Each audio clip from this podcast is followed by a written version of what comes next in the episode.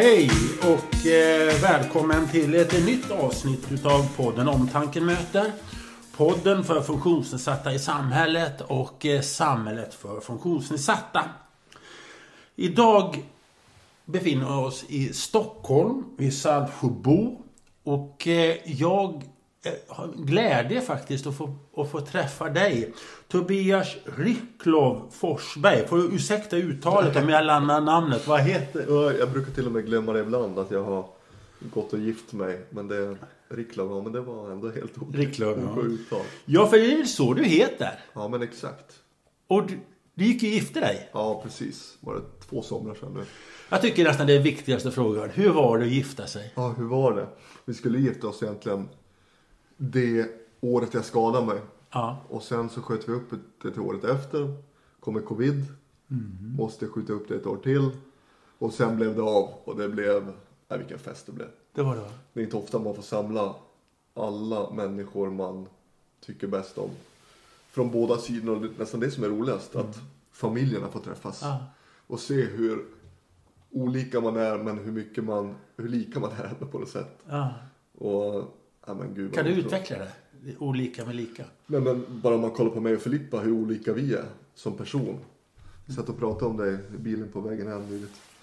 Att vi är verkligen motsatserna till varandra och tänkte hur, hur kan vi gilla att umgås med, så mycket med varandra? För vi är verkligen olika. Hon är social och jag är lite osocial och hon är, hon är framåt och jag är lite mer tyst norrlänning. Och det är samma med våra familjer. Och se alla träffas och fira kärleken på det sättet och bara komma överens och ha så skoj. Alltså det var... Ja, det blev bra. Är det inte... Ja, min, min fru och jag, vi är ju totalt olika också. Ja. Det, det, det är ingen begrepp hur vi kunde... Hur länge har ni varit gifta? Vi var gifte oss eh, 90. Mm. Så vi var 33 år och vi gifte oss. Så vi träffades, eh, vad blir det, 1985. Så 28, ja, vi är där, 38 år. Här får man inte säga fel. Nej, nej då, vi vet. Men jag brukar säga att det gäller att sköta sig för det är ingen annan som vill ha mig. Nej, exakt, exakt. Nej men det- är väl det här som är så spännande i en relation. Att man är olika. För att är man lika och tycker allting är okej. en, det blir lite... Så är det, verkligen. Och så diskuterar Tycker ni olika saker också om livet? Och ni ser på TV och film och TV och nyheter? Alltså, värderingen är väl samma men det är, det är mycket saker. Det är nog mer som personlighet vi är olika. Sen så har vi liksom samma intresse, intressen. Vi gillar, vi gillar idrott och vi gillar röra på oss. Vi gillar film och vi gillar framförallt gillar vi god mat. Hur länge har ni varit ihop? Eh, Vi träffades 2012. Filippa och jag var på Tegera Arena. Ja. Eller då var det till och med Ejendals tror jag. Så det- Och då träffades vi där uppe i restaurangen på hockeyhallen. Så det oj, det är 12 år sedan nu. Mm. 11. Så det, Det skulle du vara stolt över för att även om liksom livet går som man tror Ja. så är det en utmaning ändå för att få ihop två så, är viljor. det, så är det verkligen. Så är det, men det, Det där, vad gift är ni är någonstans? vi gifte oss nere i Tällbergstrand. Stranden? Ja. Ja. Så vi satte upp ett sånt där stort tält där. Fick, det regnade. ehm, vi åkte bil från eh, kyrkan till, till platsen. Och då kom det en liten skur. Resten var det strålande sol. Så det var som att det var ett tecken från ovan att det skulle. Ska Och det är tur med lite regn också. Så vi fick en liten skvätt när vi satt i bilen. Och sen var det, nej, det var strålande sol. Och, Du är från Norrland men är Filippa från de trakterna? äh, hon är stockholmare. Hur, var det liksom kärleken till Leksand eller var Eh, de flyttade dit eh, när hon gick gymnasiet. Mm. Eh, och sen så gick hon gymnasiet där. Och sen så blev hon kvar där. Mm. Hon är född och uppvuxen här, Vällingby, Ja. Stockholm. Så att de finns liksom en, en koppling till Leksand? Ja, men det Förutom din Ja. hockey så säga. Ja, hon har släkt som går långt tillbaka i Siljansnäs. Och, Jag kommer ihåg när jag gifte mig så finns det liksom vissa saker från själva bröllopet man, man glömmer. Men jag må, som jag aldrig glömmer, som är det värme. Finns det någonting speciellt från ditt bröllop med Filippa som var... Du kände liksom, det här kommer jag aldrig glömma. Jag skulle nog säga såklart all dans och all fest. Men jag skulle säga efter vigseln. Eh, så gick jag och Filippa in i ett rum där i, vad heter det, prästgården kanske heter. Eh, vi gifte oss i Siljansnäs kyrkan. Eh, gick vi in där och var själv där och så bara satte oss i soffan. Eh, hade med en liten picknickkorg med lite kava och lite vindruvor och ost och sen så då var det som att allt sjönk in. Och det var så härlig känsla. Det har varit någon typ av lugn. Mm. Det hade varit så känslosamt och det var skratt och gråt och sen så bara lugnet satt sig. Mm. Och kollade på varandra och bara... Nej, det var, Nu är det ni två. Ja men exakt, så det var, ja, det var det- fantastiskt. För det var ju så att eh, ni skulle alltså gifta er ganska nära inpå efter den olyckan. Ja precis, vi skulle börjat planera det. Jag friade i Amsterdam eh, den sommaren innan, när var det? 2018 Ja, precis. Mm. Och sen hade vi börjat planera eh, ungefär samma upplägg som det blev. Mm. Eh, så det var i full planering. Men det blev, det blev nog bättre nu efter ändå så det blev, nej, det, det var så härligt. Det är ju så att eh, vi, den, vi har, det finns ju de som inte riktigt vet vem du är. Många vet ju naturligtvis vem du är. Och, men också för de som inte vet varför vi är här och vad, vad har hänt med dig. Vem är du och vad var det som hände den 26 12 2018? Lite kort, den här podden ska ju inte grotta in Nej, i den där utan vi ska prata om andra saker. Men bara för att alla liksom vet bakgrunden. Ja, Lite kort, berätta vad absolut. du känner. Fem år sedan, nästan på dagen. Ja. Annandag jul 2018. Hemmamatch mot Almtuna. I serielunken. Så en helt vanlig situation. Man har spelat hockey hela livet. Och, och, och dragit sig en del skador. Axelskador är opererade och knäna är opererade. Tänder som har flugit ut men eh, ja, det var en helt vanlig situation under matchen. Där vi jagar pucken och åker mot pucken i full fart. Och sen så går, vi, går jag in i närkamp med honom, eh, motståndarspelaren, och vi fastnar varann, i varandra. Och jag dundrar med huvudet först rakt in i sargen. Och drar mig en ryggmärgsskada på femte nivån. Eh, som gör att jag blir förlamad från armhålorna ner. Och sen har du haft en resa tillbaka. Ja, Jag måste, nu ska jag fråga dig en fråga som jag alltid ställer till funktionsnedsatta. Vad kan du göra? Normalt sett frågar man ju aldrig vad man inte kan. Men vad kan du göra? Det var en bra, det var en bra vinkel på det. Um, Många saker som jag inte trodde att jag kunde göra när jag låg på sjukhuset i alla fall. Så det, man märker små saker nästan varje dag när man, där man känner att um, oj, det här kunde jag göra. Och det är oftast, skulle jag säga, de gånger när man är som mest förbannad. Och det finns även en typ av um, trygghet att man, att man kan be om hjälp. Och där är det ganska svår eh, balansgång. Att man behöver utmana sig själv. Är det svårt att be om hjälp? Eh, nej men man blir less på det, det blir man. Ibland så blir man less på sin egen röst. Och det är det som ibland, när jag känner att jag tar steg och ser att jag kan göra nya saker, det är då jag tänker, nej men nu, nu behöver jag testa att göra det själv. Vad var det senaste du kände att det här kan jag göra själv? Det senaste var nog, eh, jag klippte naglarna här för någon dag sedan. Okej. Eh, Det blev sådär, det blev lite snett. Men, men det var nog det senaste som... Jag köpte en sån här eh, nagel, så klassisk nagelsax som, som sitter fast i en plastskena under som ska vara lite mer Ja. anpassad. För länge sedan, men då testade jag och det gick det inte. Men nu, nu var jag så less på att andra skulle behöva klippa mina naglar så de testade. Det gick ändå hyfsat. Och det har verkligen verkt hur mycket övning ger färdighet.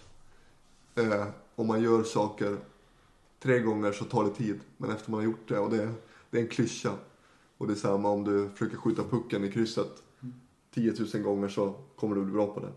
Och så är det verkligen med min funktionsutmaning och med ryggmärgsskador också. Att, att eh, det känns som att man jagar minuter att allt ska, för allt tar så mycket längre tid. Och en sak som kan ta, inte fem minuter, men två och en halv minut. Då tjänar man så mycket tid i livet. Så det, eh, och det är en utmaning för mig också som jag behöver påminna mig själv att, att inte vara för bekväm. Det, är- det är nog kanske människans svåraste att oavsett för dig eller för mig, oavsett vilken situation man sitter, att inte bli, bli, bli för bekväm. Och det, det, Men när du klippte naglarna och Ja. du fixade det. Beskriv den känslan och sen kan du kontra med någon hockeyögonblick. Du, du vet, för finns det någon, eller finns det andra dimensioner av den glädjen att du fixar det? Ja, men det är nog mer dels att man känner att oftast när man gör saker så tänker man varför har man inte gjort det tidigare? Det är klart det är glädje man tänker och det är en, det är en sporre i sig att få den känslan att då kanske man kan utmana sig själv på andra ställen och testa här. Och sen så har jag väl varit en person också som inte räds mig för att misslyckas. Eh, och det märkte man, jag tror speciellt på sjukhuset också, så är man ganska restriktiva med förväntningar. Och kanske sätter upp begränsningar istället för hopp. Har du ett bättre liv idag än vad du befarade när, vet du, du kom till sans till sjukhuset och du började tänka på framtiden? Mm. Om jag ska vara helt ärlig så tror inte jag jag har reflekterat så mycket Nej. där och då hur det skulle bli. Nej. Det, det tror jag inte. Eh, faktiskt inte. Men nu när jag ser tillbaks så tror jag ändå att jag känner att jag har inte trodde att jag skulle ha gjort så här många fantastiska saker som jag har fått uppleva och det jag har fått gå igenom. Att, ja, Men du gör framsteg lite här. Det- är någonting nytt du kan. Det är inte status. Du känner att du kan göra mer och mer. Ja, men så är det. Och rent eh, fysiskt på funktion jag har fått tillbaka så är det så är det mer att man lär sig saker. Det är inte så att jag att funktion kommer tillbaka med ryggmärgsskada för att det är en, jag har en komplett ryggmärgsskada. Så det är mer att man lär sig saker, man blir bättre på saker, man blir starkare. Eh, Så det är väl främst den delen. Det är hur man löser Ja, olika... verkligen. Vad heter det? Vad jag är glad att se dig, det är ändå att du kan röra armarna. Du liksom, vi sitter här vid ett bord tillsammans. Mm. Du dricker och du, du kollar din mobil. Och, är- är det det? När du och jag sitter Ja, här bredvid varandra. ja. Så, så tänker vi, vi kan ju ungefär röra Ja, men, lika mycket. Du är med i matchen. Är, är du med hur jag, det känns härligt att se dig på det Ja, viset. men kul. Ja. Och den, den delen brukar jag... Jag tror inte jag brukar... Det blir ganska tydligt med ryggmärgsskador också, nivåerna. En nivå upp eller en nivå ner, vilken funktion man har. Eller eh, om man kollar på en eh, som har brutit ryggen. Och det, var en, det är en helt ny värld för mig också. När man, jag trodde att när man, när man bröt någonting där bak i ryggen eller nacken så var det... Då hade man samma funktion, men det är så komplexa skador. Och jag tror inte jag brukar... Jag tror inte jag brukar jämföra så mycket när jag ser någon annan i, i liknande situation. Att jag är glad att jag kan göra mer. Eller att jag är ledsen att jag kan göra mindre. Utan jag tror att jag alltid varit ganska duktig på att fokusera på det jag kan. Nu får du inte tro att jag säger hipp och happ och hej och hå. Men jag misstänker att du, du nog kanske hellre vill ha en glatt samtal med höjda ögonbryn än att gå omkring och tycka synd om det. Eh, Håller du med mig? Har jag rätt eller hur? Om eh, Eh, samtalet det här väl- samtal du och jag. När jag tänker att jag har tonen på samtalet att det är synd om dig så. Utan, Ja, nej men det, det tror jag det är nog det värsta man kan göra. Ja. Att tycka synd om sig själv. Mm, Eller att andra tycker synd om en. mm, Och det är klart man kan ha att man kan ha tankar om att vilja att det ska vara bra men tycka synd det är liksom en balans där också. mm. Det är därför kanske det låter lite som jag är lite hipp och happ och sådana Nej, saker. Men det nej. gäller att vara, försöka se det glada i det. Så är det verkligen. Vad heter det? Du bor idag i Saltsjöbo Stämmer utanför Stockholm. Hur kommer det sig att du hamnade här? Vi är ganska nyflyttade. Vi flyttade hit i somras. Vi bodde ute på Värmdö på, i Gustavsberg förut. Och det var egentligen när eh, jag var inlagd på sjukhuset som, som vi, eh, ja, Filippa tog tag i det. För att vi ja, ville flytta till Stockholm. Eller att det blev bäst så. Ehm, Varför det? mest skulle jag säga för att uh, Leksand är en väldigt liten by.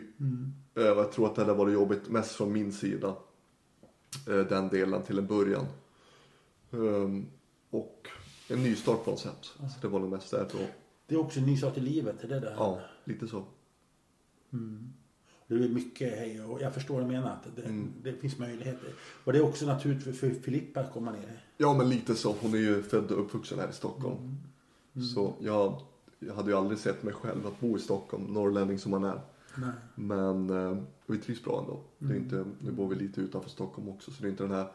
Det, det är fint. Det, Riktiga- det är mer vinter här ute än inne. Ja men exakt. det, det liksom... Och det är lite, lite träd runt omkring och lite natur och så. Så det blir, Nej, men vi trivs jättebra. Jag tittar också lite runt här. Att det, det, är anpassat också att du kan rulla. Ja, men det är lite eh, trösklar som jag fixar där nu. Eh, och det är också en sån sak som man inte tänker på förut. Men nu direkt man ska ut på stan eller på en restaurang eller man ser, man eh, scoutar direkt trösklar, trappor, vart är toaletten? Det är som att man förbereder. Tittar igenom. Ja, alltid. Det är som att man är värsta um, säkerhetsansvararen. Man, man kollar direkt hur bred är eh, dörr, dörren på toaletten, hur mycket trappor är det där. Så det, man är ständigt på alert på sådana saker. Hur är samhället? Hur fungerar samhället? Eh, Sådana här saker som är anpassat. Eh, jag skulle säga att eh, jag vet allt kan ju inte vara anpassat. Nej. Eh, så jag tycker överlag så är det bra. Eh, men det är klart man blir förbannad ibland. Mm. Eh, Kan du berätta några exempel? Ja, men vissa tunnelbane ned, trappnedgångar har inte hiss. Ehm, vissa, det är klart, vissa toaletter och dörrar på restauranger är att man inte kommer in med rullstol. Jag har förståelse för det till viss del. Ehm, men jag tycker ändå, liksom, nu har jag åkt runt en del utanför Sverige också. Och ehm, vi var i Paris, jag och Filippa på vår ettårsdag på bröllopsdagen och skulle um, åka buss och helt plötsligt så kommer det ner en ramp från bussen. Och nu har jag hört att det finns tydligen på vissa bussar här i Sverige också. Men det, det var ju skitsmidigt. En ramp som kommer ner, jag kunde rulla på själv med min moppe. Så det, överlag så tycker jag det, det funkar. Men det är fränt att eh, ni åker till Paris ett år efter bröllopet. Ja. Det är flygresa och hej och hå alltihopa. Det är häftigt att, för det är lätt att kan tänka sig att ja, nu är jag hemma, jag vill inte Ja, men så är leva det. livet. Nej men så är det. Vi har varit i Karibien två gånger. Och, Och var. Karibien också? Ja, två gånger.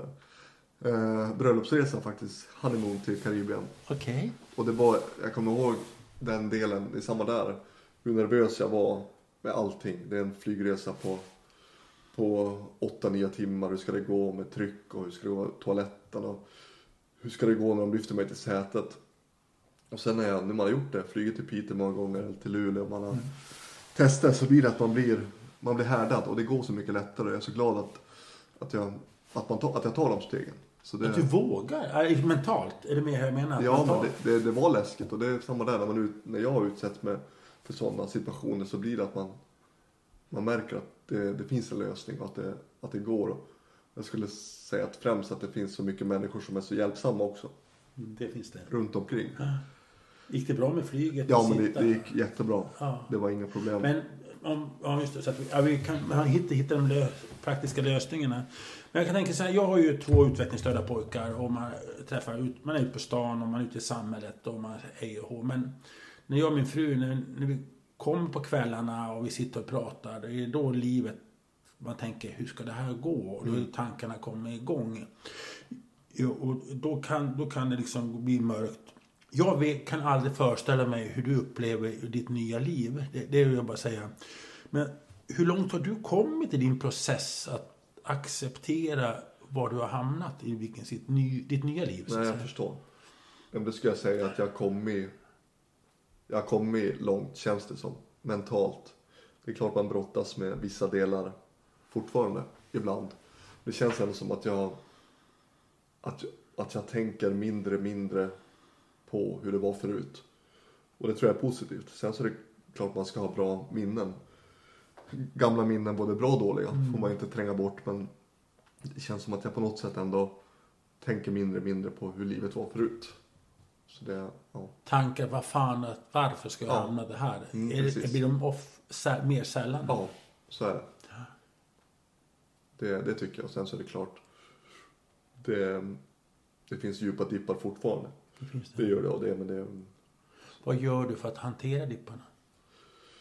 jag skulle väl säga att försöka bryta det här mönstret.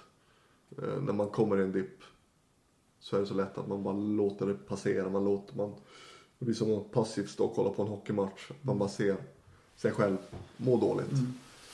Ehm, och bryta det här mönstret och göra någonting. Försöka klippa naglarna och få lite, få lite, Ja, det är underbart. ja exakt, är få lite ny energi när man känner att ja, men det här var ju bra, det här kunde jag ju. Ehm, Tyvärr så är det en podd. Vi ser, ni ser Nej, hur vi ler, du och jag. Nej. Nej, men eh, jag tänker så här. Är det här tankar som du har kommit på själv? Vad menar du då? Att hur du ska hantera när du får dina dippar. Liksom, har du fått det via idrotten eller hur tror du jag tänker? Att, Ja, men den mentaliteten tror jag har fått lite från idrotten. mm. Det har jag. Eh, sen så har det varit samma där. Lite learning by doing. Att man har lärt sig vad som funkar och inte funkar. Så, Hur är det med bemötande med människor som du, när du åker upp till, du var ju i Leksand nu gångna helgen. Ja, precis. Eh, vågar folk komma fram till det? För det var så här att när vi fick beskedet och våra, våra pojkar skriver Mm. om det här föreläser. Brukar kalla det för de rädda vännerna, de som inte vågade komma fram. Ja. De skvallriga vännerna, de som skvallrade och- men liksom, du vet, och och så det, det vidare. där känner jag igen och jättemycket. eh, sen var det de ärliga, fina vännerna. Ja. Känner du igen det? Nej, jag känner väl främst igen den delen att, eh, att eh, från vänners sidan och från familjens sidan hur, hur olika människor är. Eh, men sen så, så känner jag som nu när jag var i Leksand och man åker runt i arenan så är det bara um, så skön känsla för mig också. För att jag känner mig trygg i det. Och då tror jag andra känner sig trygga också. Så var det inte i början. Långt ifrån. Alltså det var hemskt för mig i början. Kan du be- beskriva? Ja, inte från andras bemötande men den känslan jag hade. Att jag gömde mig själv och jag var inte trygg i mig själv och jag vill inte se när folk när jag skulle göra en bilförflyttning eller jag vill inte ja, alltså allt möjligt så var jag rädd att folk skulle jag hade den här bilden av mig själv som jag var förut. Kommer folk till dig och säger, fram till dig idag och säger hej Tobbe, kul att se dig? Ja. Och liksom vinkar och... Ja, mycket lektioner som kommer fram och heja Leksand och det Ja. och att de följer min resa. Så det är liksom inga, det är inget konstigt med Nej, och det, Det är skönt va? Ja, och det kan ta mig ur en dipp till 100 procent. Och nyligt hade en skitdålig dag och det kom förbi en kille och bara säga, knackade mig på axeln och liksom kriga på. Jag har följt din resa liksom. Och det, det kan ta mig ur en dipp. Det, En av de få negativa frågor jag har kvar. Vad, vad kan utlösa en dipp? jag skulle säga att det en... Vad kan utlösa? Det är en bra fråga faktiskt. Ehm, och nu så känner jag verkligen att det som jag är runt och föreläser om berättar om att man ofta samlar på sig saker. Och det är verkligen något jag har lärt mig att inte samla på mig saker. För det är då de här dipparna kom, kommer. Tankar, Ja, ja. tankar och händelser. Ja, Eh, så det är väl främst det som jag känner att när man ibland glömmer bort det och trycker bort saker, då kommer de där dipparna till slut. Ut med skiten på en gång. Ja, verkligen. Upp med det på bordet. Mm. Filippa hon har fått tagit en del samtal med dig va? Ja, men så är det. Och det blir också när hon när hon har varit med i hela processen också så blir det ibland som det känns att man hon vet, hon, hon är den enda som vet på något sätt. Och det känner säkert du igen också. Ehm, så det, ja. Jag ställde en fråga en gång till en idrotts... Eh, faktiskt eh, Marit Björgen på Mhm. OS i, i Turin. Hon, hon kom dit som, eh, vad heter det, storfavorit. Hon misslyckades gång på gång och, och var grät och sånt där. Men ställde jag faktiskt den här frågan med utgångspunkt från min och min frus situation. Vad tänker du när du släcker la- nattlampan ikväll? Vad är det dina tankar då? Mm. Och eh, det är oftast då det kommer tankarna. Då är det tur att du har Filippa. Ja, så är det. Verkligen. Ehm, så det, det har man ju verkligen märkt nu från sitt tidigare liv när man trodde att ensam är stark. Vi ska komma in på assistans och vi ska komma in sånt där. Men vi, du, du nämnde föreläsningarna och den vill jag liksom inte släppa. Nej. Jag såg din föreläsning nu först, precis i, i samband med första advent. Jajamän, var- Borlänge. ja, ah, nej, i Hedemora. Just det. I Hedemora satt du där uppe på scenen. Och det var alldeles tyst. Alla lyssnade och det var mycket känslosamt. Både positivt och negativt. Du vet, och så vidare. Vad fick dig att börja föreläsa? Jag skulle säga att det var som aktiv var det något som jag hade i tankarna att föreläsa. Då ville jag prata om kost och hälsa. Eh, och sen efter skadan då så kände jag verkligen att att jag hade fått så mycket. Om jag kunde ge tillbaka något av det eh, så, så har jag verkligen känt i hela processen att det jag hoppas verkligen att de som lyssnar att det ger något till dem för det, det ger väldigt mycket för mig också. När börjar liksom du mentalt orka, nu ska jag genomföra? För det, det kräver ju sin man att planera och börja. Så är det. Och den delen var så kul från start. Och det är samma där, att man, att man känner att man har ett syfte på något sätt. Mm. Och det gjorde att jag, mitt självförtroende, alltså gick upp. Att man känner att man får göra någonting, man får ha ett syfte på det sättet. Och det, det tror jag, skulle säga, det viktigaste som jag känner, att man verkligen har något man brinner för. Och jag har alltid haft hockeyn som jag brinner för. Och nu kände jag att det, jag var tvungen att ha något som, som ger mig den här nervositeten, ger mig eh, känslan av att, att jag måste prestera. Pirrar lite med att gå Ja, in. men så är det. det, det jag förstår det. Och den känslan att, att, att det står saker på spel på något sätt. Det, jag har levt mitt liv att, att ja, tävla. Så det, det är nog en del av det också. Att det, Men hur skapar du för det? Eh, Har du skrivit det själv? Har du fått hjälp av vad du vill ha berättat? nej men det har varit, och jag är en sån, sån person också när jag går in med någonting så är det att jag överarbetar saker. Och jag skrev manus till höger och vänster. Jag vet, det. Ja. vet inte hur många olika dokument jag har. I slutändan så, så satte jag mig ner och tänkte att vad är det jag vill ha sagt med det här? Mm. För det är många saker som jag skrev i början som jag inte pratar om nu. Mm. Och i slutändan så vill jag bara följa den röda tråden. Nya perspektiv som min föreläsning heter. Mm. Att det kommer hända saker i livet och att var och en person måste på något sätt. För det, det, det som jag ger dig ger en eloge för, som är väldigt viktigt, det är att du ger en eh, känsla av att vara spontan. Det är inte så att man, man får ingen känsla av att du läser till utan man har ju naturligtvis en grund Ja, kring det. Men, men du, du, du visar känslor och du visar spontanitet på scenen. Och, och det tycker jag, det lyfter en föreläsning. Det, det är inte den här mekaniska. Och det blir jag glad över. Ja, Verkligen. det- Det, det värmer jättemycket. Och sen eh, du hade då ett, en stund när du berättade om hyllningarna du fick. Precis, stöd. Då, då, då, då var det emotionellt. Ja, och det är på den, det är på den sektionen som det oftast eh, som det kommer, de här känslorna. Och det, det är nog ett bevis på hur tacksam jag är för den delen. För de som inte kanske vet vad vi pratar om. Det var ju så att när du låg på lasarettet så hyllades du runt om i hela Hockeysverige. Om inte utanför Hockeysverige också, eller hur? Så är det. Och det var fantastiska banderoller. Ja, Och när läxan gick upp så var ju det var ju på din födelsedag. ja exakt. Och det var ju, du var ju med mentalt. Ja, men det var jag. Alltså, Och det var en fin stund det där på något sätt. Är det, var det jobbigt att visa känslor på scen? Nej. Mm, Inget alls alltså. Jag tycker jag ibland, jag föreläser mina pojkar. Ja. Ibland så blir det någonting och så, nej nu, nu brister det. Ja. Och, och, jag, nej jag får inte, jag måste, kom igen nu. Liksom. Ja, nej men alltså det, och den delen är ju verkligen, jag är annorlunda som person nu, hur, hur jag var förut. Mm. Att jag är mycket närmare till mina känslor och känner, vet vart de är med. En annan grej, jag, jag släpper inte din föreläsning Nej. riktigt än. Eh, Det var just bildfrekvenserna. Du hade mycket tecknat. Ja, precis. Det hade varit lätt att kunna ha bara vanliga bilder från olika situationer.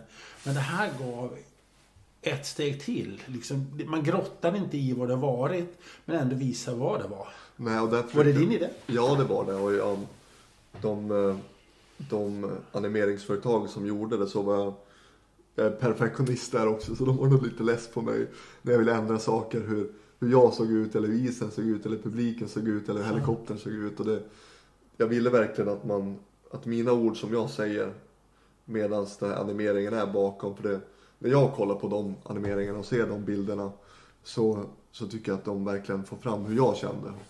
Så det, det är jag väldigt nöjd med dem. Och att de, Ja, det där tyckte jag var, det, det var ett fränt grepp. Mm. Man säger det faktiskt och så vidare.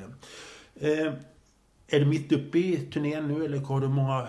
Nu spelar vi in det här i början på januari Ja. eh, 2024. Men du har många föreläsningar kvar? ja men det är det. Ja. Så det, och det känner man också nu, nu tycker jag det är så otroligt kul att berätta om det jag berättar om nu men efter varje föreläsning när det kommer frågestund så är det att man bara finns många andra saker jag vill berätta om också så det är, Eh, för många som är funktionsnedsatta på olika sätt så handlar det om den personliga assistansen. ja. När... Hur gick det till när ni började diskutera om att du kanske skulle få personliga assistenter, du skulle komma in i den här miljön? Ja. Jag brukar säga det själv. ja men den, Hur minns du det? ja men det minns jag väldigt väl faktiskt. Och efter Uppsala på intensiven där så, så, så hamnade jag på Rehabilitation Stockholm. Rehabiliteringscentret där i Frösunda. Och eh, det är som en eh, träningsskola när man har råkat ut för en ryggmärgsskada eller, eller liknande. Och man går igenom både allt det möjligt, alltså förflyttning och lär sig hygien och alla andra saker. Och när den frågan kom upp då att jag kommer behöva assistans så kommer jag ihåg att vi satt ner ett möte, jag och Filippa och det assistansbolaget. Och det var samma där. Jag, jag tror inte jag, jag lyssnade inte på ett ord de sa. Nej. Alltså det var bara, de pratade och jag var, nej, alltså, jag lyssnade inte på någonting alls. Eh, så det tog ett tag att att landa i den situationen också. Vad var du rädd eller tänkte du? Var det overkligt? Ja, overkligt. Exakt det ordet jag skulle ha sagt hur jag kände. Det kändes som att nej, det här, är, inte- det här är inte min verklighet. Det här är någon annans. Och det här var lite som vi har pratat om tidigare. Att det jobbiga att be om hjälp. I, Har, har jag förstått det rätt? Kan, eller har jag fel? Alltså inte i det skedet så var det inte så mycket det. Det var nog bara att, att det var så långt ifrån min gamla verklighet. Tror jag. Hur gick det till när du började acceptera det? Den delen. Jag skulle säga att det inte. Det finns ingen sån där. Jag har ingen datum i telefonen när det bara poppade upp. Nej, nej, men det- processen. När du Nej, men processen var väl att, samma där att det här är den korten jag blivit delade just nu. Mm, mm. Och eh, För det här som du är, har gått igenom, det, jag känner igen det en del i, i många som har fått stroke och sådana saker som också får hjälp. Att det är så overkligt. ja men det är det. Och det, det är väl något som jag fortfarande brott, brottas med och det är en del som är väldigt jobbig många gånger. Och kanske speciellt att man, att jag den delen kanske är väl den delen man känner att man får dåligt samvete för mot Filippas sida också. Varför Och, nej men att, att det är så annorlunda vårt gamla liv. Och att jag behöver den hjälpen. Att vi behöver ha människor som bor i vårt eget hem. Ja, och det, det, det Och sen så måste jag poängtera att hur glad jag är att vi bor i ett land Ja, där det absolut. finns den hjälpen. Ja, absolut. Men, men jag, jag säger så här. Man, man måste få, tycker jag, eh, säga och tycka hur det är att ha andra i sitt eget boende. Man, måste kunna få säga. Vi hade ju sex assistenter åt mina pojkar. Ja. båda på, eh, bodde hemma. Det var hur mycket folk som helst till slut och så vidare. Men, men, man, men det här är någonting man inte ska blunda för tycker jag. Liksom, hur löser man hemmasituationen? Nej. I ditt fall, du är du och Filippa, så har du någon assistent. Ja, Har du assistent dygnet runt? Eller? Eh, ja. Hur, hur, hur funkar det för dig och Filippa och med den assistenten? Hur har ni tänkt att hitta formerna det? Eh, Som du säger så tycker jag att det är en väldigt viktig fråga att lyfta. Och jag vet att det är många som, jag skulle säga det är mer folk som skriver till Filippa om det på Instagram. Om personer som har hamnat i liknande situationer om tips och råd. Så det är en väldigt viktig fråga att lyfta och jag känner väl att eh, jag har ett perspektiv från min, min mamma har jobbat som personlig assistent. Nu är hon lärare men hon jobbade under lång tid som personlig assistent. Och jag har väl försökt få lite perspektiv från det också. Att det inte alltid är så lätt heller att vara personlig assistent. Och framförallt att personer är olika. På sättet jag vill ha det kanske helt annorlunda från hur någon annan vill ha det. Så det, det är helt klart en utmaning. Och eh, min utmaning är väl också att, att man måste vara tydlig vad man vill och hur, och hur man vill ha det. Att sätta upp regler hur man vill ha hemma. Ja men lite så. För jag menar, jag kan tänka mig att du och Filippa ibland vill ha en mysig skön kväll, bara sitta och se på TV, se serien och bara är. Ja, Och det krävs ändå mentalt att veta att det finns en person till i huset. 100 procent. Och där känner man ju som direkt då, då det är en lördagkväll och Filippa står på passet. Och vi är själv. Hur liksom, att man blir annorlunda på något sätt. Man blir sig själv. Det är klart jag är mig själv när jag är hemma nu eller när Filippa är hemma och vi är assistenter. Men det blir, som du säger, ändå annorlunda. Det blir det och det är något som man ja, behöver träna på. Är det någonting som ni pratade igenom med era assistenter hade öppna kort? Så här vill vi ha det. Ja, lite så. Det är det. Och när man går intro, nu, nu som när jag kollar på mitt schema vilka som jobbar och jag ser att det är mina ordinarie assistenter. Så det är, det är ju rena semestern för mig. För att det, jag vet att det kommer komma de stunder när man kollar på schemat och det är många röda bockar och det är folk som är sjuka och de Ja. assistansbolagen ringer mig och de frågar, mm, de vet inte vem som ska komma Ja. och ska skicka, kan jag skicka den här personen som aldrig har varit hos mig förut. Och det, den delen är kanske jobbigare än att inte kunna gå många gånger. Att, För att det är, jag pratade med David Lega. Mm. Eh, han har ju personlig assistent. Han är politiker, han är simmare. Ja. Du vet, känner jag. absolut. Han, just, han pratar också om så här hygiensituationer och sådana här saker. En dusch och grejer Mm. och, och få hjälp. Att det är någonting man måste lära sig. Ja men så är det och det, det var redan från sjukhusdelen. Det är väl den delen som jag... Samma sak där som vi var inne på tidigare. Att jag, att jag pushar mig själv för att klara de här, många av de grejerna själv. Eh, för att jag kom till nivån där jag tänkte att nej men det här, så här vill inte jag leva mitt liv. Och verkligen lärt mig att göra vissa saker själv. Inom hygien. Som jag inte kunde i, i början när jag skadade mig. Vi går inte in på detaljerna. Det, det gjorde ju David Lega förut, men det behöver inte göra det nu. Men jag kan tänka mig just som du säger, när du har dina ordinarie eh, assistenter. Där har ni ändå, ni bör, jag kan miss, säg om jag har fel, men jag misstänker Ja. att ni börjar ändå känna varandra. Ni vet. eh, Ja, men så är det. Det blir naturligt. Men har ny en vikarie in. Ja. Nej men alltså det är ju det är en oro som, som finns i mig om jag ska väga upp föreläsa och det kommer en person bara från första start när jag vaknar och trycker på mitt larm och jag vet att det kommer komma in en person som aldrig har varit hos mig förut. Hur många saker som jag måste säga, vart de är. Bara från första delen när hjälpa mig att få på mig kläderna till att jag ska göra en förflyttning till stolen.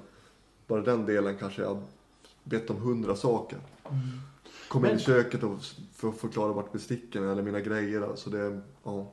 Men du, eh, den här processen du säger i början, du lyssnade inte, du hörde ingenting. Du, du var liksom nästan lite, ja det här var en overklig värld. Vad är viktigt för ett assistansbolag att tänka på som tar de här första kontakterna? Kommer till en, en som har fått stroke eller en nyskadad eller liknande som tvingas byta om. Ge ett råd till ett assistansbolag. Så här bör ni tänka och agera. Väldigt intressant fråga. Och jag önskar att jag hade något supersvar. Men jag tror att för mig, samma som det var från i början så om man inte är mottaglig så är man inte det. Ehm, väldigt intressant fråga. Jag försöker sätta mig tillbaka på i det skedet vad jag hade önskat att de har sagt. Men jag tror inte det hade spelat någon roll om jag ska vara helt ärlig. Nej. I det skedet. Eh, och sen i det skedet när man är tillgänglig för information så tror jag att det är viktigt att vara tydlig och berätta om vara tydlig och ärlig att det kommer vara svårt till en början. Och inte bara måla upp fina scenarion utan säga att det, det kommer vara så här. Det kommer vara tufft till en början till man lär sig vissa saker. Eh, Jag skulle säga främst det, men i början så är det nog, i alla fall för mig, Man talar om, eh, jag tror det är viktigt att man talar om att det är assistans. Bara för att du har fått assistans så är det inte allting frid och fröjd. Utan det kommer vara tufft. ja men lite så. Du har mycket kvar innan det liksom får in en rutin. Ja, så är det. Och det måste man nog säga, vara ärlig mot assistans. Från assistansbolagets sida. Det tror jag också. 100 procent. Vad, du, vad jag förstår så hann ju du i alla fall, du behöver inte vara orolig för Försäkringskassan för att få en assistans. Det var, den processen, gick den bra? Eh, Det var en lång process och det var en väldigt speciell process. När man sitter i långa, långa möten. Jag kommer ihåg de möten när man sitter och, och berättar hur, hur ofta man dricker vatten och hur länge det tar att dricka vatten. Och det, det är sekunder vi pratar om. Ja. Hur länge tar det för dig att köra därifrån till dit och hur länge tar det för flyttning. Kan du äta själv? Kan jag äta själv? Ja. De delarna. Så det är, men, Hur kändes då den? Alltså det, det här är ju en... Jag, jag har gjort det med mina pojkar och jag tycker Ja. nästan att en, en del frågor är nästan på gränsen till respektlös. Ja, ja kanske. Och det var, det var lite jobbigt, det var det. Det var, och det blir så tydligt också. När man rabblar upp alla saker. Det, blir, det är inte att man gick ut ur det mötet med, liksom, Nej. med självförtroende. Men Men- det, det kanske är nödvändigt också. Var du rädd för att inte få assistans? För det är, det är inte självklart för alla. Att... Nej, men det, det, var jag, det var jag inte. Du var inte Nej. Nej. Utan jag visste ju. Jag försökte vara lite logisk bara och tänka. Och se vad jag kunde göra och märka det. Ja. Du vet, våra pojkar. Var det självklart för er? Du, så här, vi kan ta det lite här. Vi har varit lurade i 12 år på assistans. Eh, Försäkringsbolaget och kommunen vi bor på, jag ska, eh, där, Ja. de satte ett test och se om de skulle kunna klara, slippa ge oss assistans. Och sen när, Var det första 12 åren? ja, och sen när vad heter det, vi förstod vad det var och, och, och så vidare. Jag behöver inte gå in ta halva podden. Mm. Men i alla fall, då vi fick hjälp av ett assistansbolag och eh, då berättade de att så här, ni ska ha självklart rätt. Och när de grep in med sina kunskaper så fick vi på två veckor. Okej. Så att vi vart lurade på 12 år. Ja. Assistans vi hade rätt att få. Och det erkände också kommunen och försäkringsbolaget att de hade gjort ett test för att spara pengar på oss. När, när är det? För jag vet ju att ibland så går ju kommunen in och ibland är det Försäkringskassan. Ja, Eller, det, det? det är så här, de ska ha mer än, mer än 20 timmar i veckan. Då Jaha, det är så- Försäkringskassan det är så, och, och, under och så vidare. Och kommunen under. Men Mm. här var det en fuling. Vi, vi kan gå in Men därför jag frågar, för att många har idag jobbigt med att få assistans. Mm. Och, eh, och det finns exempel som är nästan hårresande. Att, Är det så? Ja, ja, ja. ja. Och därför jag liksom känner med dig att men det är skönt att du känner dig lugn i alla fall. För, att, Ja. för det är många, många, många tragedier som utspelar sig idag. Trots att det ska vara eh, möjligt att få det. Och det är, det, det, är, det är en jättelång Är det, utmaning. bett, är det bättre om du går till, du som har varit i gamet länge. Liksom. Jag, Är det bättre, hur såg det ut förut? jag säger så här att... eh, Du vet, så här är det ju det första att eh, just i år så firar ju LSS-reformen 30 år. 30 år. Ja. Och eh, Vad, vad, betyder LSS? eh, lagen om stöd och service Ja. heter den. Och, eh, vi säger så här. Hade du skadat dig på 80-talet Mm. Då hade du kanske inte haft någon som assistent hemma hos dig. Och du kanske inte, du, det var osäkert. Hur ska du få ditt liv? Din kära hustru hade fått tagit ett lass, kanske inte jobbat mycket. Många som var intellektuellt funktionsnedsatta långt innan, de bodde på institutioner. I sovsalar. Många blev neddrogade. Och eh, man bodde liksom... Eh, eh fram till 85 så var det väldigt vanligt med institutioner. I Hedemora som eh, är, finns det något som heter Hagården. Ja. Och fram till 85 så bodde där 300 ungefär intellektuellt funktionsnedsatta. Många var neddrogade hela... Bara för att gömma i princip. Ja, för att få bort ångesten. Och de gömde undan dem. De hade egna liv, biografer, egna verksamheter Ja. bakom. Men det var liksom institutioner. Och då var det ju det att Bengt Westerberg, politikern, Ja. såg ju de där och drev det här under hela 80-talet. Och fick igenom det här 94. Och det kom, det är 30 år sedan nu. 94 Och, ja, och Det är ju då möjlighet för man har också rätt att ha naturligtvis om man vill bo i gruppboende idag. Ja. Många väljer ju det. Mm. Och många vill ha privat assistans. Och inget är rätt och inget är fel. Utan det är privat. Men det, här som du nu upplever, det här är resultatet utav en... Det har inte jag tänkt. Hur ser det ut i andra nordiska länder? Vet du jag törs faktiskt inte säga det. Men jag tror vi ligger ganska långt fram hos i Europa. Okej. Så ligger vi eh, framme. Norge tror jag också ligger bra till. Men jag, jag törs inte säga exakt. Men eh, den har ju varit väldigt frågasatt. Och den, har- du, vet inte, du, har, du har aldrig tänkt på den? Nej. debatten var väldigt Nej, inte- direkt. Men nu blir man ju vetgirig när det... 2000, 2000, vad är det, 14, 15, 16 Ja. Började en debatt och man tyckte LSS var för dyrt. Och, man, Okej. och Magdalena Andersson eh, som då var finansminister, Mm. hon satte det emot, eh, stod emot flykting Okej. och, och så vidare. Så det var väldigt diskussioner. Ja. Och det har gjort det väldigt, väldigt svårt att få assistans. Så det kom ju då 2016-17 ett regleringsbrev till Försäkringskassan från kommunerna.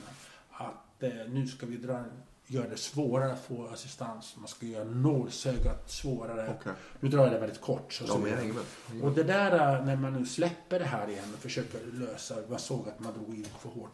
Då har inte Försäkringskassan hängt med riktigt. Okej. Så det har varit liksom... Eh, så det är väldigt många advokater och jurister idag som jobbar för att hjälpa andra med det. Hade du någon ad- advokat eller jurist? Eh, vi hade ju genom mitt fack, Mm. SIKO, spelarfacket, så hade jag hjälp. Eh, som hjälpte väldigt mycket med att släppa allt pappers, pe- pappersarbete på den delen. Mm. Eh, men jag ska ändå säga för min del så, så var det klart, det var ingen rolig process men det... eh, Anna Holmlund, om Ja. hon jag hälsade på henne för något år sedan. Och hon hade också, hon och hennes far vittnade om att det var en tuff process. Även om det var självklart att de skulle få, men de fick kämpa. Men jag tycker så här, när du får assistans och du ska välja ut assistenter, hur var det? Jag skulle säga den delen också som, så för min del så blir det att man man, man är på ett ställe och får liksom, det är inte så att man tänker över sina val. I vanliga fall om jag ska köpa en tv-apparat så kollar jag igenom alla tester allting. Och här blir det att man, ja det här är assistentbolaget, ja men okej, kör på det. Så det är också något Men, du, men vad du, du fick väl ändå välja de assistenterna? Jo, jag, nu menar jag själva vilka assistansbolag Jo, jag bolagen, väljer. Ja, du tänker först. Eh, Och sen processen i början när man ska välja assistenter så, så kommer jag ihåg, det är ganska väl i början också, att man har, man har intervjuer med personer och man pratar och där så kände väl jag från min sida väldigt tidigt att jag ville vara tydlig med att jag, jag vet inte om jag gjorde det som någon typ av säkerhetsåtgärd men jag ville, jag ville inte ha en vän utan jag ville ha någon som hjälpte mig. Jag vill ha en fluga på väggen. Eh, och det kanske inte är det lättaste heller, alltid. Ehm, Du ville ha din, någon som var din förlängda armar och ben. ja men exakt lite så. Att jag ville vara mig själv och att jag ville, jag ville ha den integriteten Mm. Till max, max alltså. Du talar om ungefär så här vill jag att det ska fungera. Ja men lite så. Gick Eh, det bra? Gick det bra? Ja både och. Jag känner väl att det, det är väl en del som jag kan bli bättre på också. Mm. För att jag är lite konflikträdd. Om jag ska ge tips till någon annan att, att vara tydlig Mm. och säga hur man vill. Och det, den delen tycker jag att det, det tänker jag på ofta. Att jag, att jag behöver förbättra från min sida. En fråga eh, som är ganska intressant. En, en stor eh, entreprenör i Leksand är Ejendal. Ja. Som eh, Ejendals... eh, för- Han har ju personliga assistenter och så vidare. Hade han någon kontakt med dig och gav dig tips? Nej, nej inte det. Jag tänkte om du... För att han har ju levt mycket med personliga Ja. assistenter. Jag tror i den delen i början också när man när jag låg inne där så är det nog tyvärr många som har försökt kontakta som man har missat. Mm. Eh, Men nej. Vad är en bra assistent? Personlig assistent för dig? Det är nog, ja för mig, det är bra att ja. tylla till. Ja, ja, men vad tycker du? Liksom, om du får definiera en eh, drömassistent. Jag skulle säga att det är någon som som har kan just det här med integriteten. Att man har bra spelsinne. Ehm, och sen så är jag verkligen i början så, så letade jag verkligen assistenter som hade så här. De ska ha sjukhuserfarenhet och de ska vara duktiga på förflyttning. Men nu har jag verkligen gått till det att det, inte- det är inte det som är det viktiga utan det viktiga är att man att man, och så sa jag också i början till de assistenter som kommer jobba att ja, men, eh, gör bara samma som du gör hemma hos dig själv. Liksom. För jag tänkte att på sättet som jag vill ha det så har alla det hemma.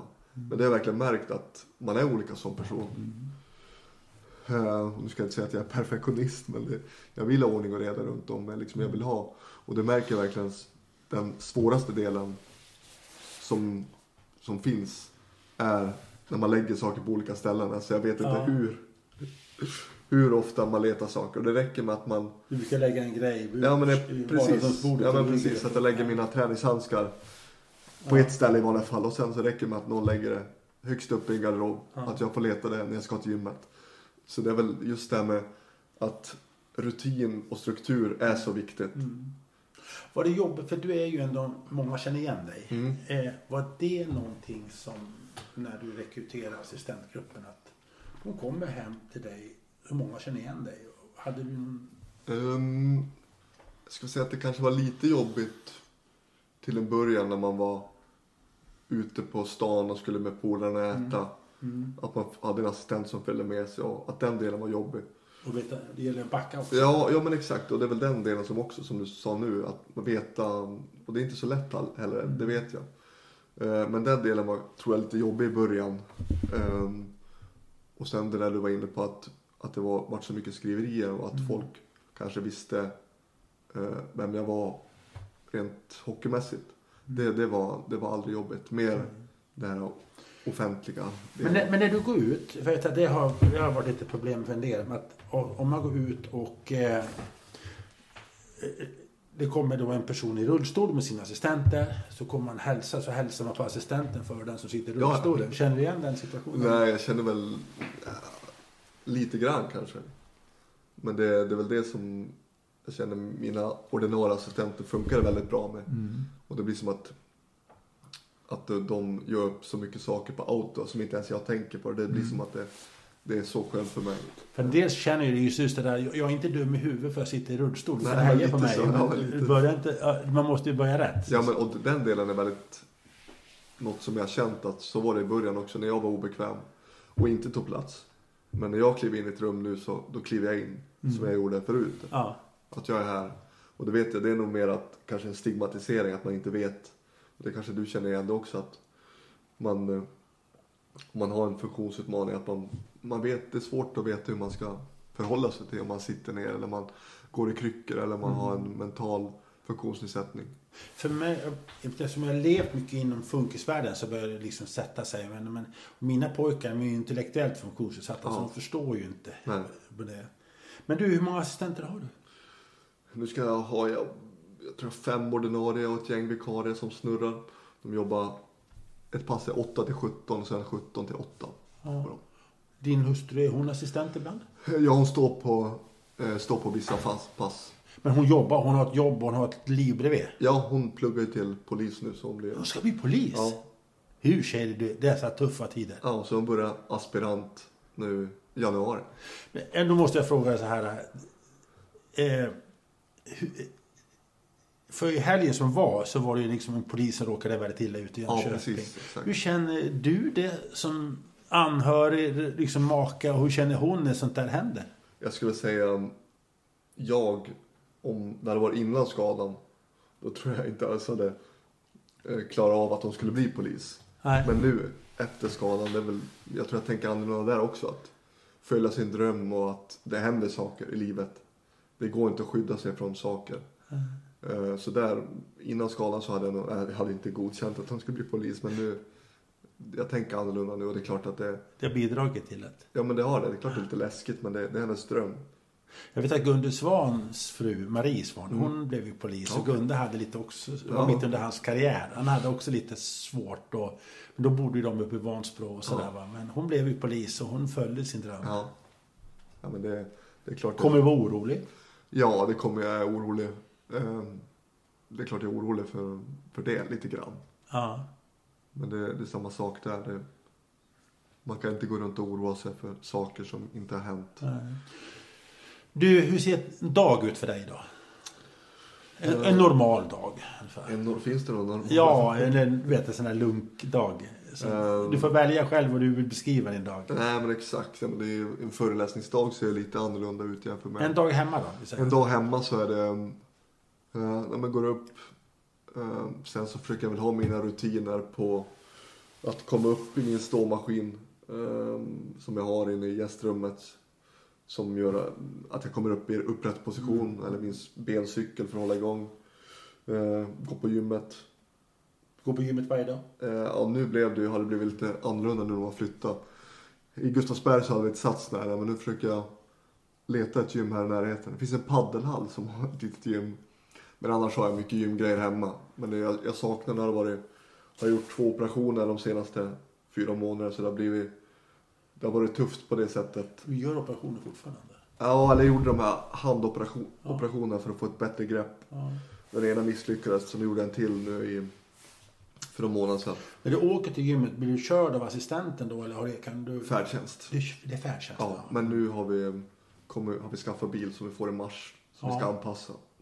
Så då färdtjänst är ju de kommer lite när de kommer ibland va? du, eh, det kan man lugnt säga. Ja. ja. Nej, det, den, och den delen kan vi ta upp också. Det, det är klart det är bra att det finns färdtjänst men det, där finns det mycket som behöver förbättras. Och speciellt säkerheten i bilarna är, är den under all kritik. Det Alltså, ska de vänta på att någon, att det går åt helsike innan. Vad är det du tänker på då? Nej, men sättet, jag sitt, sättet jag sitter i min rullstol i färdtjänstbilar, rullstolstaxi. Jag sitter kvar i min rulle, i rullstolen. Alltså det, det är inte fel i sig men man spänner fast i golven men det finns ju inget skydd bakom för nacken om man skulle liksom åka Nej. på en. Och det, om, Sitter du som den rullstolen? jag sitter i den här rullstolen och får ett bälte som ibland bara sitter över magen. Och, Har du ingen nackstöd? Ingenting? nej, ingenting. Så om det smäller alltså det... Nej, alltså det är Har du kört. påtalat det? Ja, det är ofta de ringer och kollar upp så här. Då får man bedöma så här 1 till 5 säkerheten. Men det, alltså det är så dåligt. Det är helt Du värdelöst. längtar efter din bil va? Ja, verkligen. Och då kommer någon assistent att köra dig då? Eh, nej, jag kör själv. Ja, det jag tänkte fråga. Du, Ja. han svarade, du kommer kunna köra själv? Jajamän. Det är handreglage. Jag behöver hjälp in i bilen. Eh, Är inte det fantastiskt? ja, men visst är det häftigt. Det kommer bli så coolt. Och vilken frihet. Fasiken alltså. Ja. Återigen vad du kan göra. Ja. Så det, ja, men det ser jag fram emot. Då kan du åka dit. Men kommer du kunna kanske till och med också kunna... Men du måste ha med dig någon som kör ner eller? Ja, assistenterna måste ju med och hjälpa Ja. mig in och ut Ja. ur bilen. Och, Ja, det. under. Och det får du, får du nu i vår. ja, precis. Har du provat ut den? Eh, inte, jag har provkört, det provat en gång. Eh, så men eh, det blir ju an, anpassarna i Hedemora som kommer bygga den. Så Ja, just det. De är duktiga. de är duktiga. Ja, de är jätteduktiga. Du, eh, jag tänkte, pluggar du? Vad har du tänkt att jobba med? Vad tänker du?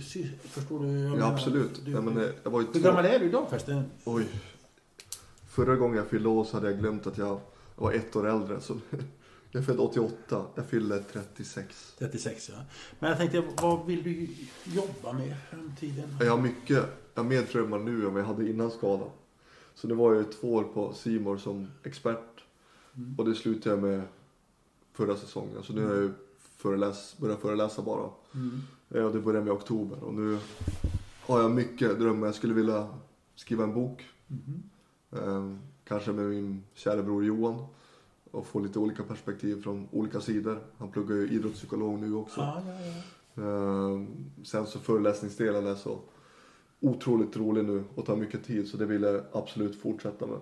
Mm. Men är du inte tränare, och då är det, vad gör du då hemma här? Är det, Ja, nu har det varit väldigt mycket föreläsningar. mm. Sen har jag skrivit en del krönikor också. Mm. Men föreläsningsdelen tar, det har varit mycket nu på slutet. Och Har du tänkt på att syssla med någon idrott? För det finns ju faktiskt. Ja, men det gör jag. Eh, här, Har du tänkt någonting sånt? Ja, det har jag tänkt och det, det kommer jag... Jag kommer inte... Jag vet hur jag är om jag går in i någonting, om jag skulle testa någonting. Då, är det, då kommer jag inte bara testa utan då, då kommer jag ta, det ta hela mitt liv. Skulle, är, är, det, är det en otänkbar tanke för I dig? nuläget så, så känner jag att det, den delen vet jag... Det är klart jag saknar den delen lite men jag tycker att det finns andra delar som jag brinner mer för nu. Den där idrottsdelen, alltså när jag kollar tillbaka på min karriär så gör jag det med, bara med stolthet. Mm. Och jag har testat på det, jag vet hur det är, jag vet hur mycket uppoffring det krävs. Mm. Så det känns som att det finns andra saker som jag, Som föreläsningarna eller? föreläsningsdelen och mm, familjesituation. Eh, att men alltså, utmana sig själv fysiskt och bli starkare på det sättet också. Så det, Mm. Mm. Mm. eh, men, Lungor och lungkapacitet. ja, men det också. Mm. Men du, du har inte släppt idrotten för du sitter med i styrelsen för Leksand. Precis, Det sak. hockey i föreningen. Ja, men ex, eh, ja, är det bolaget? Eller Bolaget. Det är bolaget. Ja, men exakt. Ja. Så det är en annan del. som- Ja, hur var det där? Hur, wow, han hoppade in i bolagsstyrelsen Ja, i Leksand. Hur, hur gick det där till? Ja, hur gick det till? Och den delen har man ju, som spelare också, så har man ju alltid haft kontakt med styrelsen och man pratade och man tänkte att det var personer där. Liksom, och nu är man helt plötsligt en sån person själv. Ja. Och jag skulle säga främst att det är så... Hur tänkte du när du tackade ja? Nej, men jag tänkte väl att det är väl en del som jag har saknat så mycket. Den här sociala delen, att få ha ett syfte. Mm. Och få del av världens bästa hockeyklubb också. Men hur tänkte du när, du svar, när de ringde och frågade Tobbe? Eh, nej men vi, vi hade ett möte med, eller jag hade möte med valberedningen och de berättade hur det funkar.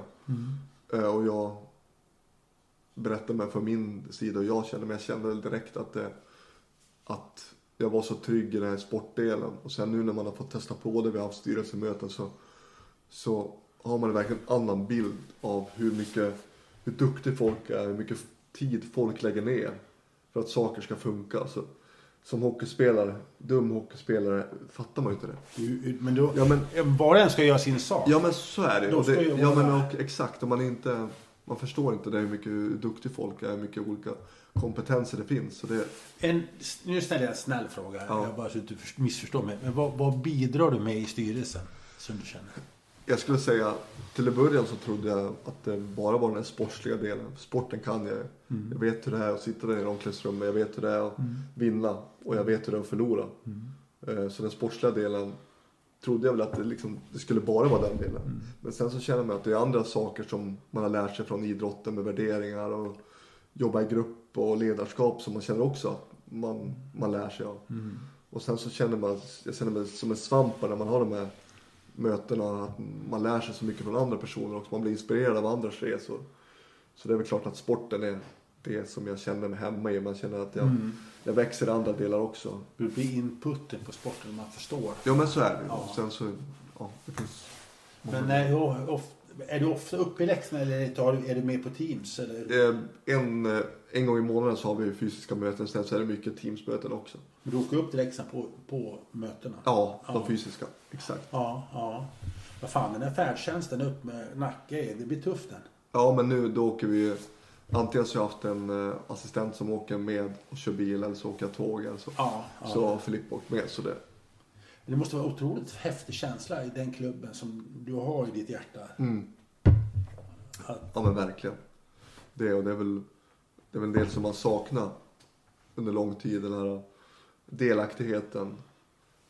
av de som spelade när, när du för olyckan kom. Mm. Är det Knuts och Martin Karlsson som är kvar? Är de Det är? Knuts, Martin, det är Langen, Lange. Olle Alsing, Norén.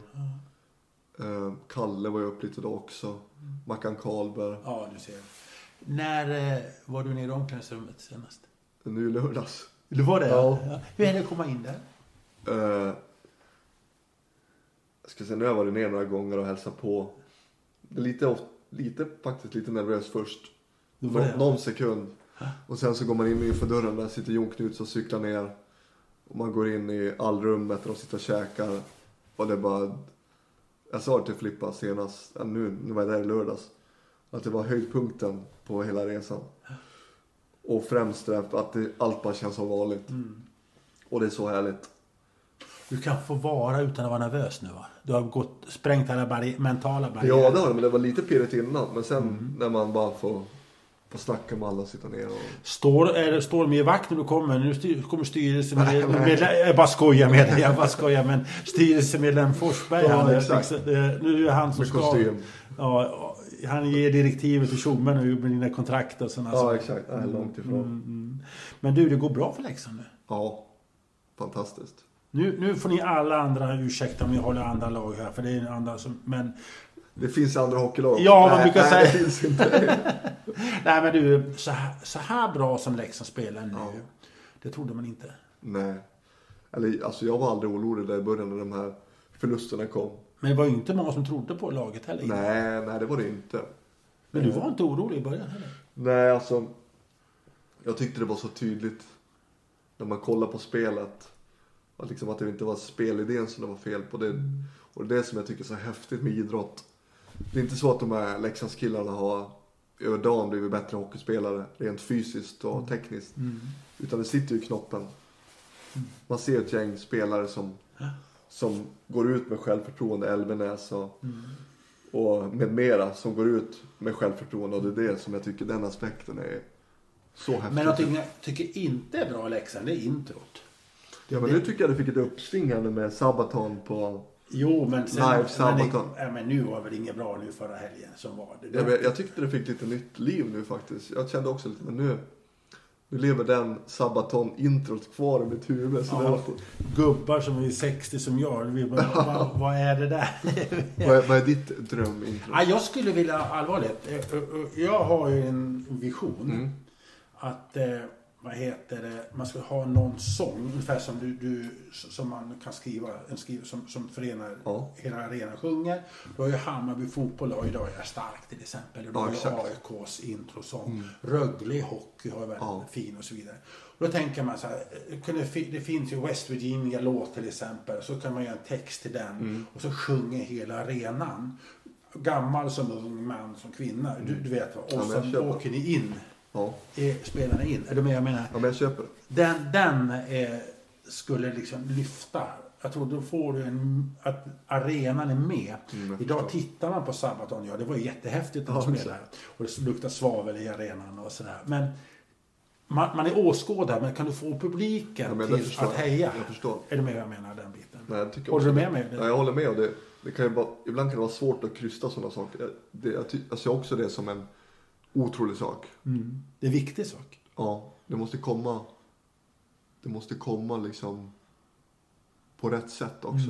Mm. Men det, Hur mår Leksand, avslutningsvis snacket, mår Leksand bra som klubb, ekonomi och sånt där? Du har ju lite koll nu i styrelsen. Sitter ju... och det blir ju också så att det, det trodde man ju tidigare att bara att Leksand är bara liksom idrotten. Det finns Mm. många andra saker också. Men det är klart när idrotten gör ju mycket också. Är damerna och herrarna liksom. Så det, Men jag har lite en intressant fråga för dig. För du måste kunna ha ett annat perspektiv idag. När Björn Hellkvist fick Mm. sjukskriva sig av Parkinsons. ja. Du med din livs, jag säger livserfarenhet, för den har du nu skaffat dig. Ja. Hur kände du då? Ehm, jag skulle säga att jag till 100% har förståelse för, man kan inte jämföra helt men man, jag bryr mig mer om folks motgångar nu än vad jag gjorde tidigare. Ehm, och nu har jag träffat Björn några gånger och vet vilken driven person han är. Och jobbet han tyckte det var liksom att ha byggt upp någonting. Och det är till 100% att jag känner mer nu för Har du andra. träffat den efter sjukskrivningen? Nej, nej, nej inte. Nej. Nej, inte.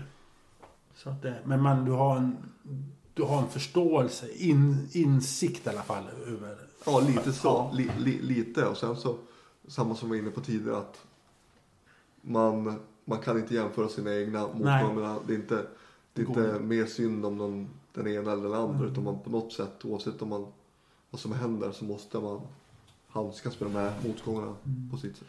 Men avslutningsvis med dig. Det här som hände där i då, 2018. Det Mm. har gjort, bidragit till att utveckla dig som människa på annat sätt. Insikt i livet. Det har tagit bort vissa saker ur mitt liv men det har även adderat andra. Det är väl det som är vackert. Det känns som, jag ju träffat dig även när jag var hockeyspelare. Ja, exakt. Det var jag då. Eh, Ja, du, är, du, är jag du, lik? ja, du är mer mogen nu. Det- Du är mer mogen nu. Du var med nog Oj, mer... Ja, det var, ja. Vänta, kan du säga det? Fart och fläkt. spela in och skicka till frugan? Ja, ja, men vad är du någonstans? Ja, men det, du vet, man skulle Ja. vilja... När man intervjuade dig förut, då, här och nu ungefär. Va? Ja. Man skulle vilja ha dig mer här och nu då. Men nu är det ju här och nu hos Ja. mig. Det, det verkar som du har mognat som människa, tror jag. Insikt i livet och sånt där. Eller har jag... Känner du så? Nej, det, det håller jag med om. Och sen tror jag också att ni reportrar har en svår, en utmaning med att se igenom man, den här robot-idrottsmannen och kvinnorna. Mm. Det blir att man är så inne i det. Så tror jag det är oftast lätt att gå på auto. Mm. Tyvärr, man svarar samma sak. Och det, Men det måste jag säga att det har de... Det, nu, nu är det, en bra, det är en bra gäng nu. Som, även om man pratar i mixzon. Ja, men det tycker jag också. Ja. Men du, dig nu avslutningsvis. Hur ser du på din framtid? Jag ser, eh, klyschan med sig ljust på min framtid. Nej, men det finns så, det finns så mycket saker jag ser fram emot att det, som ger mig kraft och saker som jag, som jag tycker, som jag vill ge mig an. Utmaningar och sen så vet jag också att jag, jag, jag utan att jinxa så förväntar jag mig, eller förbereder mig för nästa motgång på något sätt också. Även om jag ser fram emot drömmarna så vet jag att nästa motgång lurar runt hörnet och den, den, den får komma bäst fan den vill jag säga. Och, men det vet jag, men det, Du är beredd på det? det är jag. Eller är man det någon gång? Det tror jag inte, men jag vet även om jag inte är beredd på den så kommer jag ta mig an den. Den kommer att kanske trycka ner mig till långt ner igen och få mig att må dåligt. Men det, Och så stärker du dig när du kommer upp igen. så är det. Ännu mer. Ja, Ska vi ta det som fina slutord? det tycker jag verkligen. Tack för att jag fick komma. Tack själv. Och jag som tackar, jag heter Anders Hansson och eh, vi ska tacka er lyssnare för att ni har hängt med i den här podden.